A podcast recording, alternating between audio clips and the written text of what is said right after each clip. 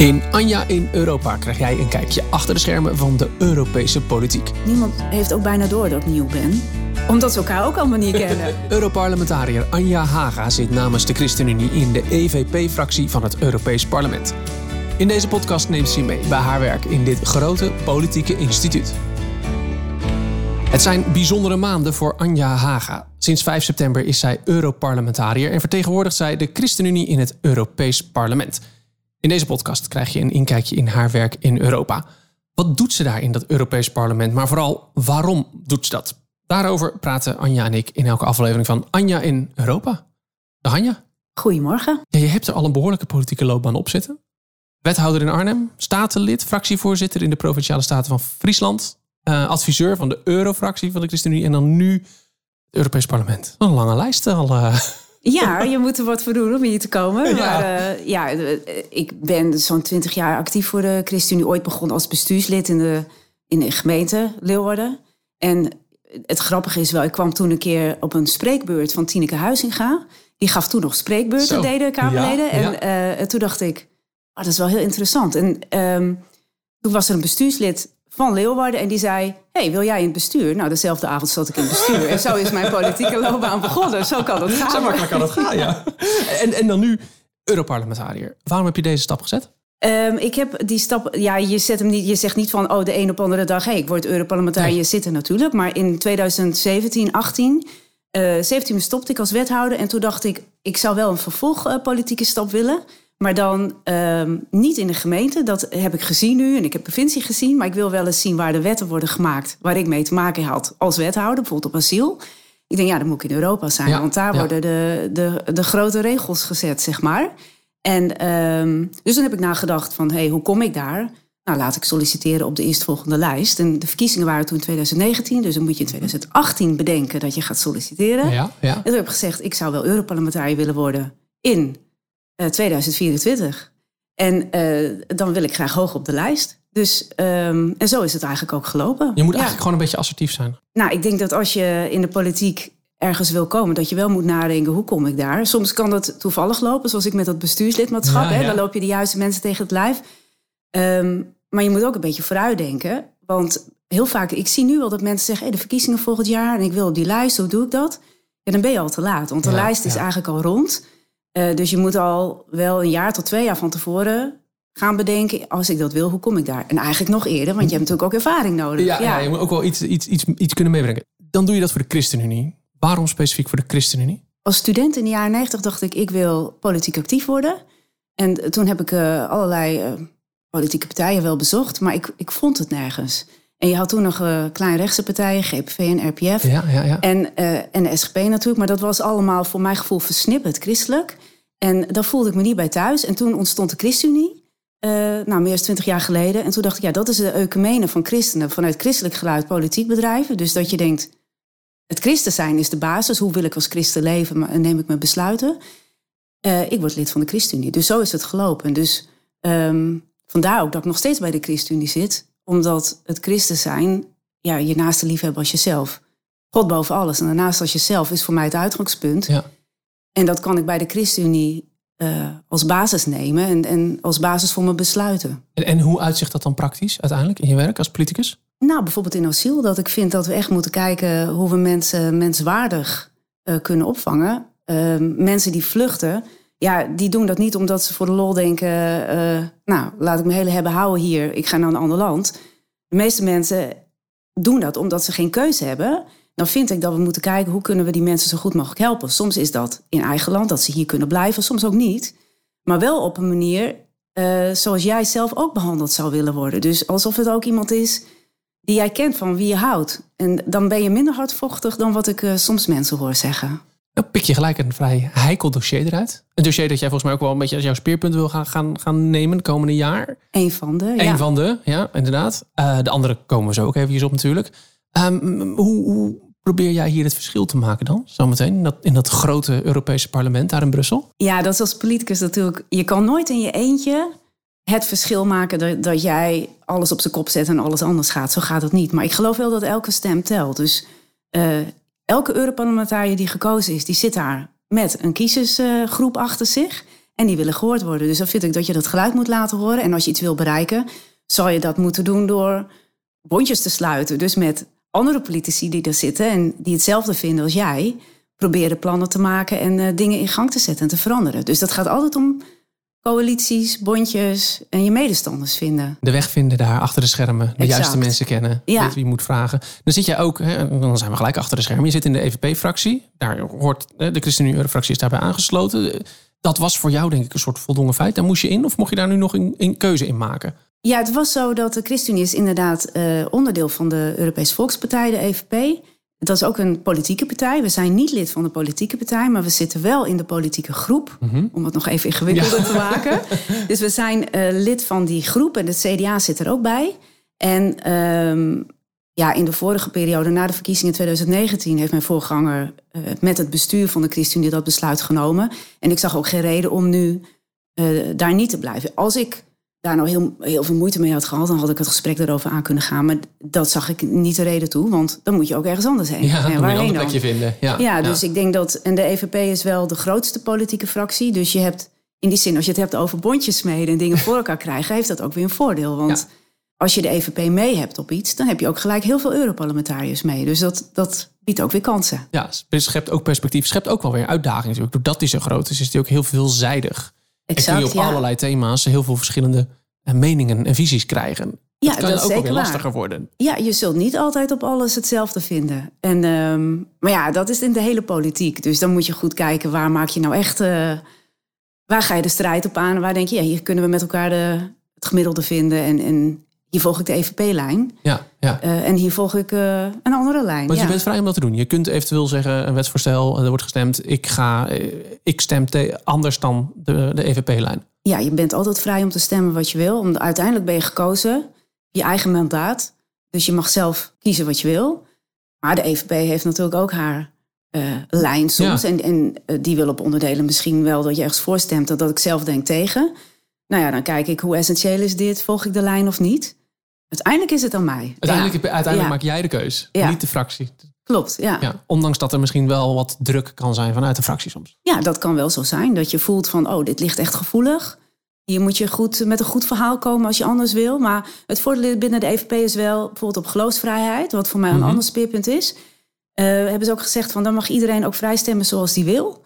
We voelen, we weten dat dat gewoon heel dicht bij de Europarlementariërs binnen de EVP ligt. En daar willen we niet een, een dwingend stemadvies op geven. Dus Um, en dat vind ik wel een heel belangrijk doorslaggevend punt. Want ik zei, het christen zijn is de basis voor mij. Dus dat ik daarin ook de vrijheid heb om keuzes te maken, daar ben ik heel blij mee. Ja, nou dan noem je gelijk een ander speerpunt van je, geloofsvrijheid. Ik denk, ja, Europarlementariër van de ChristenUnie, natuurlijk vindt hij dat belangrijk. Toch? Ja, dat is zo. Ja, mijn voorganger vond dat belangrijk. Uh, uh, in Nederland, uh, de ChristenUnie vindt dat belangrijk en ik dus ook. Dus wij kunnen in Nederland nog vrij ons geloof beleiden. Maar het, het aantal christenen neemt steeds meer af.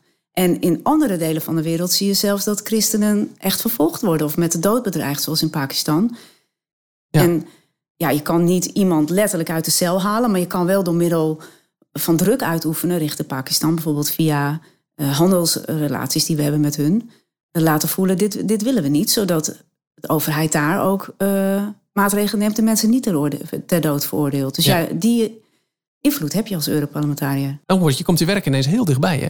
Ja, het gaat het om leven en dood. Ja. Dan gaat het nogal. Ja, maar ook even heel dichtbij bij jou. Ik bedoel, dan gaat het over je geloof. Dat is een heel persoonlijk iets wat je dan dus meeneemt in je werk. En waar je op de een of andere manier vorm moet gaan geven aan, aan hoe je dat privé en werk ja, dan ineens met elkaar mixt of zo. Op de ja, ik vind dat wel inderdaad heel anders als uh, politicus. Heb ik dat altijd wel gevoeld dat je, je bent christen, je bent van de ChristenUnie. Dus mensen weten ook gelijk, oh, dat is een christen. En alles wat je doet, doet je, doe je ook vanuit je geloof. Want anders zou ik wel voor een andere partij gekozen hebben. En daar ben ik me wel heel erg bewust van. En dat is anders dan bijvoorbeeld een willekeurige andere baan... waar je werk doet, je krijgt salaris en dat is meer instrumenteel. En hier denk ik, ja, doe ik de juiste christelijke dingen? Ja. Ehm, kan ik dit verantwoorden als christen, welke keuze ik maak? Dat voel ik wel heel sterk. Ervaar je druk dan? Uh, verantwoordelijkheid misschien meer. Verantwoordelijkheid. Dat ik denk van... Uh, ben ik nu het, het, Ik voel het wel alsof ik het geluid van de christenen zou moeten zijn in Europa. En ondertussen vinden ook niet alle christenen altijd hetzelfde. Nee. Dat is natuurlijk ook Dat is ingewikkeld. ook weer helemaal waar, ja. Maar dat ik toch denk, als ik nou gewoon heel dicht naar mezelf ga en als christen denk, welke keuze moet ik maken? eh, kan ik dat dan eerlijk uitleggen? Als ik, met overtuiging en, en eh, je het verantwoorden? kun ik het verantwoorden? Maar ik voel daar wel een verantwoordelijkheid over. Ja, ja, en een dat soort ik. druk is dat misschien wel. Ja. Ja. Ik, ik had het als statenlid eigenlijk al heel erg. Dat toen ik fractievoorzitter werd, dat ik dacht... oh, nu moet ik de stem van de christenen in Friesland zijn. Wat nou als ik daar een fout in maak of niet goed doe? Mhm. Ik heb toen letterlijk wel wakker van gelegen. En toen dacht ik, ja, ik kan niet anders dan mijn best doen... en ervoor bidden en de goede keuzes. En ik zal ook fouten maken. En als ik fouten maak, dan kan ik ze eerlijk toegeven... en dan is dat dat. Ik ben En- ook maar en- een mens. Ja, En je maakt het nooit iedereen naar de zin. Toch, ook dat, precies. Dat is het ook. Ja, dus in die, ik denk met die houding zit ik hier nu ook. Van ik doe het vanuit een goede intentie. Mhm. Ik bid daarvoor. Ik zal het zo goed mogelijk doen. Maar ik zal misschien ook wel eens fouten maken. En dan, nou ja, dan kunnen we zien. eh, dan zal ik dat eerlijk toegeven als dat gebeurt. Ik ben natuurlijk een feilbaar mens. Maar ik, ik probeer er wel vanuit, eh, ja, vanuit mijn geloof te doen. Ja. Ja. Vanuit je geloof. Nou, dan kom ik bij een volgend speerpunt van jou. Milieu is een speerpunt. Ja. En dan kom ik eh, al heel snel kwam ik in, in alle bio's die ik van jou las, kwam ik tegen. Anja Haga leeft plasticvrij. Dat is, dat is, dat is zeg maar zo'n beetje de eerste, bij, de eerste zin die ik, die ik kom van er jou nooit zie. meer vanaf, Jij komt daar ik. nooit vanaf, denk ik. Nee. Als ik niet meer plastic vrij zou willen leven, die keuze heb ik gewoon niet meer. Nee, Nee. dat die, die, iets. Maar hoe, leg, leg even uit, hoe, hoe doe je dat? Plasticvrij leven? Lijkt mij heel ingewikkeld namelijk. Ja, bij alles wat ik koop, dat ik denk, eh, wat is het eh, plasticvrije alternatief? En dan eigenlijk vooral wegwerpplastic, hè? Ja, ja. Dus ehm, geen koekjes in de supermarkt. Ja, geen producten waar plastic omheen zit. Dus onderweg, soms is het lastig. Bijvoorbeeld in het Europese parlement, ehm, dan moet ik snel, dan moet ik even iets eten. En ik kan dan geen broodje kopen, wat ze dan ergens in zo'n winkeltje Ja, ja, verkopen. want ja. die zijn allemaal in plastic verpakt. Dus ik moet goed nadenken. Eh, de meeste, mijn medewerkers weten het al. Ik heb altijd brood bij me, eten bij me. Omdat ik het zelf ja, plasticvrij zorg dat ik dat allemaal bij me heb. maar ja. dat brood moet je ook weer ergens halen. Want eh, Ja. mijn brood zit meestal in een plastic zak. Nou, het gekke is, in Nederland is dat zo. Maar bij de bakker in Nederland heb ik eh, linnen zakken gekocht. En die eh, Ah, doet het ja, voor mij in die linnen zakken. En in Brussel kan je heel goed overal brood kopen. En dat doen ze in een papieren zak. Of ik heb gewoon mijn linnen zak bij me. En dan doe ik het daarin. Maar het is wel altijd, altijd weer een extra stapje dat je moet zetten. Je moet even vooruitdenken. Het is vooral plannen. Ja. Ja, dus het is vooral veel plannen. Maar dan gaat het eigenlijk eh, perfect. Ja. Wat was voor jou de reden om, om dit te gaan doen? Dat was de ramp met de MBC Zoe. Dus ehm, in januari 2019 was dat. En ik eh, ging toen met collega's opruimen op het strand op de Schelling. Ja, dat was een containerschip. Ja. Dat, eh, liep, liep het vast? Of, of, of was het Nee, echt- er was een hele harde wind en die verloor Dat was- containers. Ja, dat was het. Ja. En eh, op de Noordzee, die spoelden allemaal, die, die containers, ja, die gingen open. Een gedeelte van die containers is naar de bodem gezonken, maar ook een heel aantal is open. En al die troep die kwam op de eilanden aan. En ik woon in Noord-Friesland, dus bij ons was dat Ja. het gesprek van de dag. En dat kwam ook bij de dijk in Noord-Friesland aan. En er lagen koelkasten en troep. En wij gingen opruimen, maar toen was het strand leeg. Je zag eigenlijk niks toen we aankwamen. Dus ik dacht, wat doe ik hier? En toch hadden we binnen twee uur een vrachtwagen vol troep. Omdat er gewoon alweer zand op lag, zag je het niet. Maar het lag onder het zand lag gewoon ook allemaal ledlampjes, eh, speelgoed, eh, ballonnen. Nou ja, weet je, dat zie je dus niet van een afstand. Maar als je dat opruimt, dramatisch was Ja, dat. En ja. toen dacht ik, ja, dit is wat wij doen met z'n allen. We kopen de hele dag door dus plastic troep. Het heeft geen waarde, je gooit, gooit het zomaar weg. En we vervuilen de aarde hiermee. En toen had ik met mijn man een gesprek daarover. En toen zeiden we, dat begint bij onszelf. Laten wij plasticvrij gaan leven. En toen hebben we dat een op ander moment besloten. Ik zet het op Twitter. Mhm. Dat is niet een heel handig idee. Want toen had ik onderop Friesland aan de lijn. En dan kom je dus hier uit dat je er nooit meer vanaf komt. Exact, ja. Dus die zei, oh wat interessant, je gaat plasticvrij leven. Hoe ga je dat doen? Ik zei, ja, dat weet ik zelf eigenlijk ook nog niet. Maar we gaan dat nu wel doen. Ja. En die gingen dat volgen. Dus ja, toen had ik steeds dat ik weer in een... eh, ja, dat, dat, dat, dat ze gingen volgen hoe ik dat deed. Ja. en toen werd het ook onderdeel van mijn leven. En ik zou ook niet anders meer willen hoor. Laat me helder Nee, zijn. nee, is, is- het, het voegt echt wat toe ook. Het, het, is, het, is, het, is een, Ja. het is een uitdaging. Het, ja, het neemt gemak weg. Ja, dat, dat schets je net al in het par- parlement. Maar het voegt ook wel wat toe dus. Ja, want het, het brengt ook gemak. Want je hebt dus minder troep. Je hebt ook minder afval. Dus ehm, we hebben nog steeds wel iets van afval. Want 100% plasticvrij, dat zeg ik eerlijk bij, dat lukt gewoon niet. Want dan heb je ook... Sommige producten zijn niet plasticvrij te krijgen. eh, noem maar paracetamol. Oh ja, ja. ja.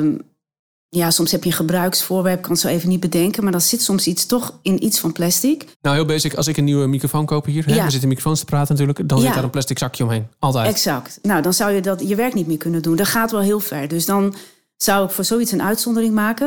Maar op het moment dat je een alternatief, alternatief hebt, kies ik daarvoor.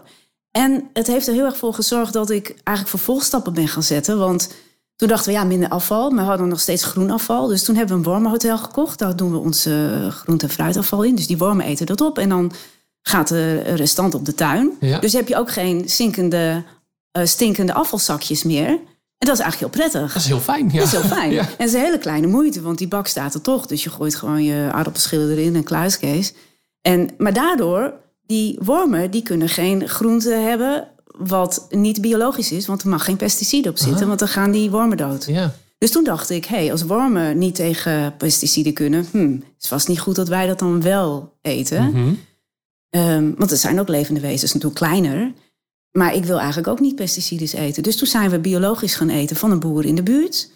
Nou ja, zo heb je dan Dus eigenlijk het is een heel... een hele kettingreactie die je eigenlijk zo in, werking zet. Ja, en die leveren ook alles weer plasticvrij. Dus ik kwam mooi bij elkaar. Dus, eh, ja, Win-win. ja, dus eh, een lokale boer die heeft er weer een afnemer bij. Ik heb minder afval. Het stinkt niet meer in de keuken naar afval. Ehm, je moet het alleen even organiseren en bedenken... oké, dat koop ik daar, dat koop ik daar. Hoe doe ik dat?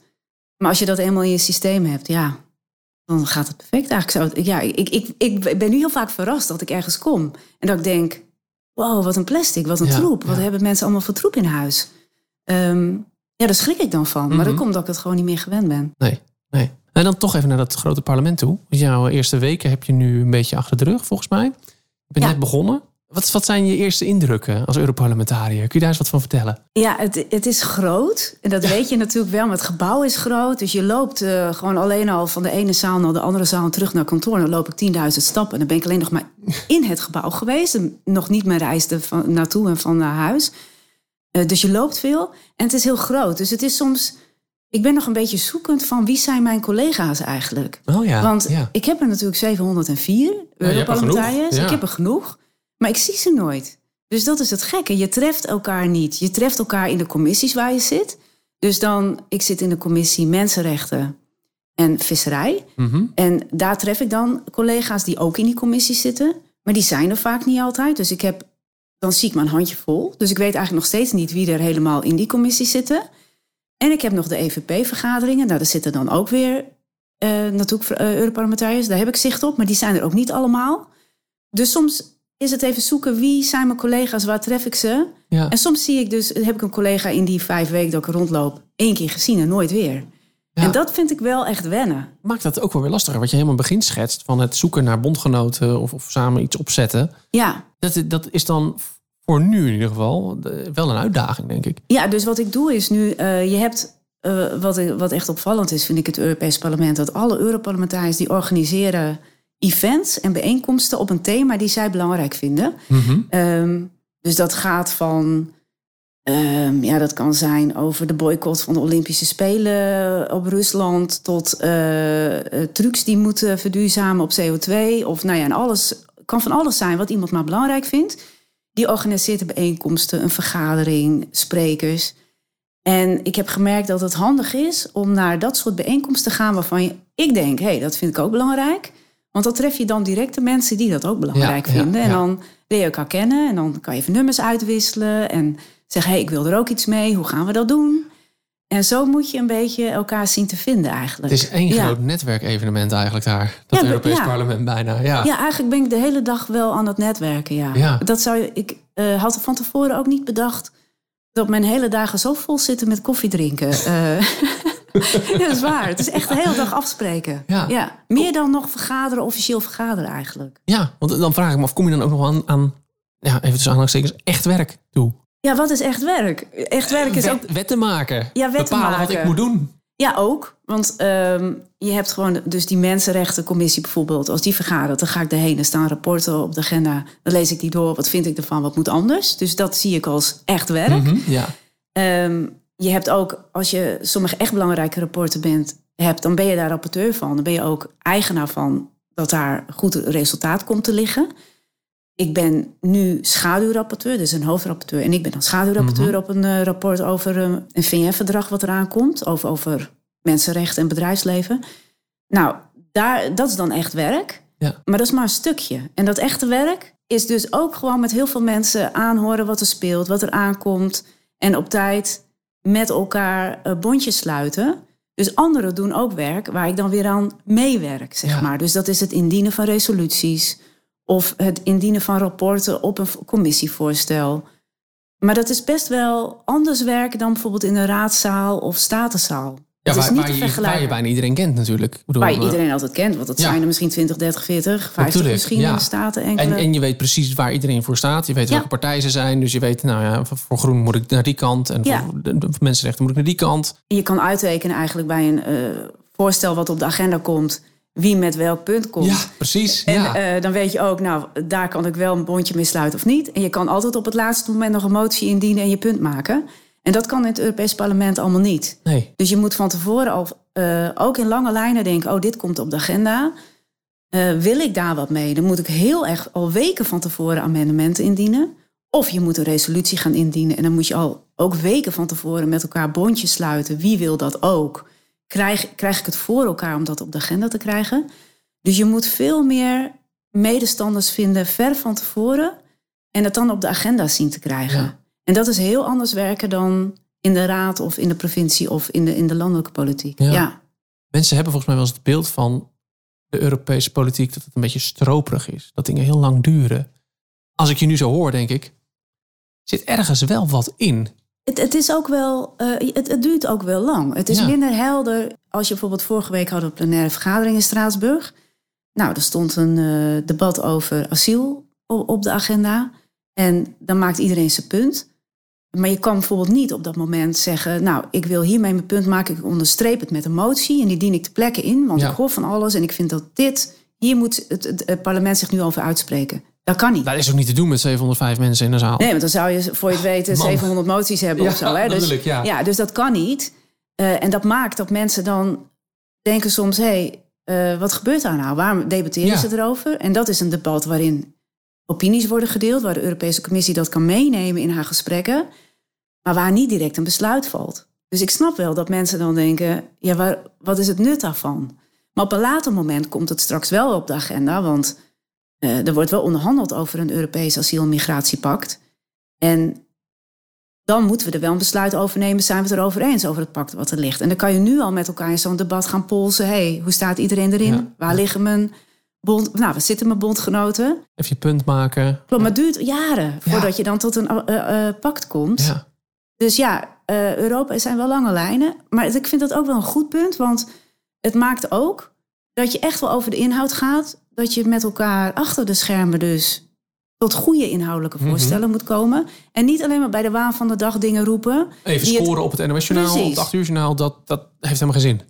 Nou, Dat er minder. Ja, dat Ja. zit er eigenlijk niet in. Nee. En ehm, dus het is, het is wat bureaucratischer. Maar de besluitvorming is daardoor niet minder goed of minder democratisch. Het is denk ik democratischer misschien. Het is alleen wat minder fancy, wat minder Ja. eh, spannend. Levert ja. wat minder flasje beelden op en leuke Twitter-filmpjes en zo. Maar ja, ja, je hebt natuurlijk ook geen debat waarin mensen elkaar interrumperen. dat en ook niet, nee. Spannende debatten heb je niet. Dus dat maakt het voor de media minder interessant. Ja, de media zou gewoon meer in Europa moeten zijn.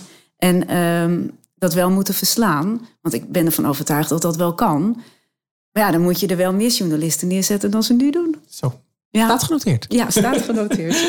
Hey, even, even eh, anders dan de meeste van jouw collega's begin jij nu pas. Het is, loopt een beetje richting het einde van de mandaatperiode. De meeste van jouw collega's zitten er al vier jaar. Die zijn hè, begonnen na de verkiezingen. Jij valt er nu eigenlijk middenin. Is dat lastig? Het is wel een uitdaging, ja. Want eh, de collega's merk ik wel, die zijn gewoon op stoom, die doen hun ding. En dan komt er één nieuwe bij. Nou ja, leuk voor jou, maar Ja. dat, dat eh, wensen je succes. Ze gaan do- door tot, en over tot de orde van de dag. Dus ik word wel echt in de diepe gegooid. Mensen denken niet echt van, oh ja, die is nieuw, die moeten we meenemen. Daar staan ze gewoon niet zo bij stil. Nee. Maar het voordeel is wel, omdat het ook zo groot is... niemand heeft ook bijna door dat ik nieuw ben. Omdat ze elkaar ook allemaal niet kennen. Dus ja, dat heeft twee kanten eigenlijk. Dus ik kan ook gewoon meedoen en doen alsof ik er al jaren zit. En niemand die denkt, eh, ja, jij bent hier een groentje, wat zou je hier komen vertellen? Dat, dat ook niet. Nee. Dus je kan wel gewoon gelijk meedoen. Dus dat heeft ook wel weer voordelen. Beetje ja. fake it till you make it. Ja, en het is gewoon politiek. Dat heb ik eerder gedaan. Het is alleen op een grotere schaal. Maar het is ook niet per se anders. Het is alleen anders dat iedereen natuurlijk een andere taal spreekt. Ja, Eh, en dat veel in het Engels is.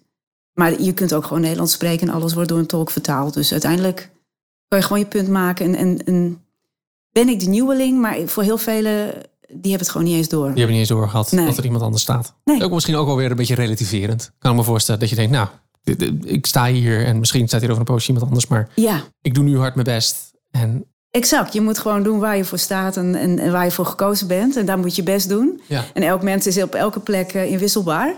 En dat is in het Europarlement niet anders. ja. Ja. maar ik neem misschien een beetje ook die druk weg waar we het eerder over hadden. Exact, ja, Ja. Dat je gewoon je best doet. Dat is wat je kan doen. Ja. En eh, ja, dat is ook wat ik doe. Ja. Ja. Ja, dan ja, gaan we jou een beetje volgen in de podcast. Ik ben heel benieuwd hoe, hoe jij je weg gaat vinden daar zo meteen in, in Europa. Ja, we hebben natuurlijk al wel een paar thema's. Eh, waar, wil je, waar zou je het over willen hebben in de podcast? Wat zijn een beetje de thema's die jij zou willen behandelen? Eh, ja, nou, dat zijn ook de thema's waar ik natuurlijk eh, in het Europees moment druk mee ben. Want daar kan ik dan ook over, wat over vertellen. Dus dat is geloofsvrijheid en, en hoe ik dat op de agenda ga zetten. In het najaar komt dat ook het handelsverdrag met Pakistan aan de orde. Ik denk dat het interessant is om daarover te gaan hebben. Ja. Maar ook plasticvrij. Ik zit in de visserijcommissie. Hoe kunnen we ervoor zorgen dat we zeeën ook schoner worden? En welke rol kunnen vissers daarin spelen door troep uit de, vis, eh, uit de zee te vissen? Maar ook dat ze zelf minder vervuilend zijn met hun netten bijvoorbeeld. Ja. Ehm, dus daar ga ik eh, me actief voor inzetten. En het asielmigratiepact, wat ik zei. Dat, dat gaat sowieso terug op de agenda komen in het Mhm. eh, Europees Parlement. Dus ik denk dat het interessant is... Hey, wat speelt daar politiek dan? Juist. En welke keuzes ga ik daarin maken? En, en welke stappen kan ik daarin zetten? Ja. ja. En ik ben heel benieuwd hoe jij je weg gaat vinden. Jij je, je, je bondjes gaat sluiten. Waar je je medestanders gaat vinden. Ik vind, daar ben ik heel benieuwd naar hoe dat gaat Ja. zijn de komende maanden. Ja. Vind ik heel interessant. Ik denk dat het leuk is om het daarover te hebben. Wat ik zei, van, het is, ik, ben, ik heb nu de eerste stapjes gezet, kennis gemaakt. Precies. Ik ga nu kijken hoe ga ik voorstellen maken en hoe ga ik bondgenoten vinden. En eh, dat is echt het werk achter de schermen. Ik denk dat het leuk is dat we het daarover gaan hebben. Ja, Gaan we even een beetje naar voren de schermen halen. leuk. Nou, dat gaan we doen. En dan, jij gaat nu zo meteen op de trein naar Brussel volgens mij, hè? Ja, ik ga zo door naar Brussel in één keer door. Ja, Lekker door. Nou, succes dan daar. dankjewel. En dan tot de volgende aflevering. Tot de volgende keer. Dit is Anja in Europa, een podcast van de ChristenUnie en de EVP-fractie van het Europees Parlement. Mijn naam is Segert van der Linden. Volgende maand staat er een nieuwe aflevering van Anja in Europa voor je klaar. Abonneer je op deze podcast in je favoriete podcast-app, dan verschijnt de aflevering vanzelf in je feed.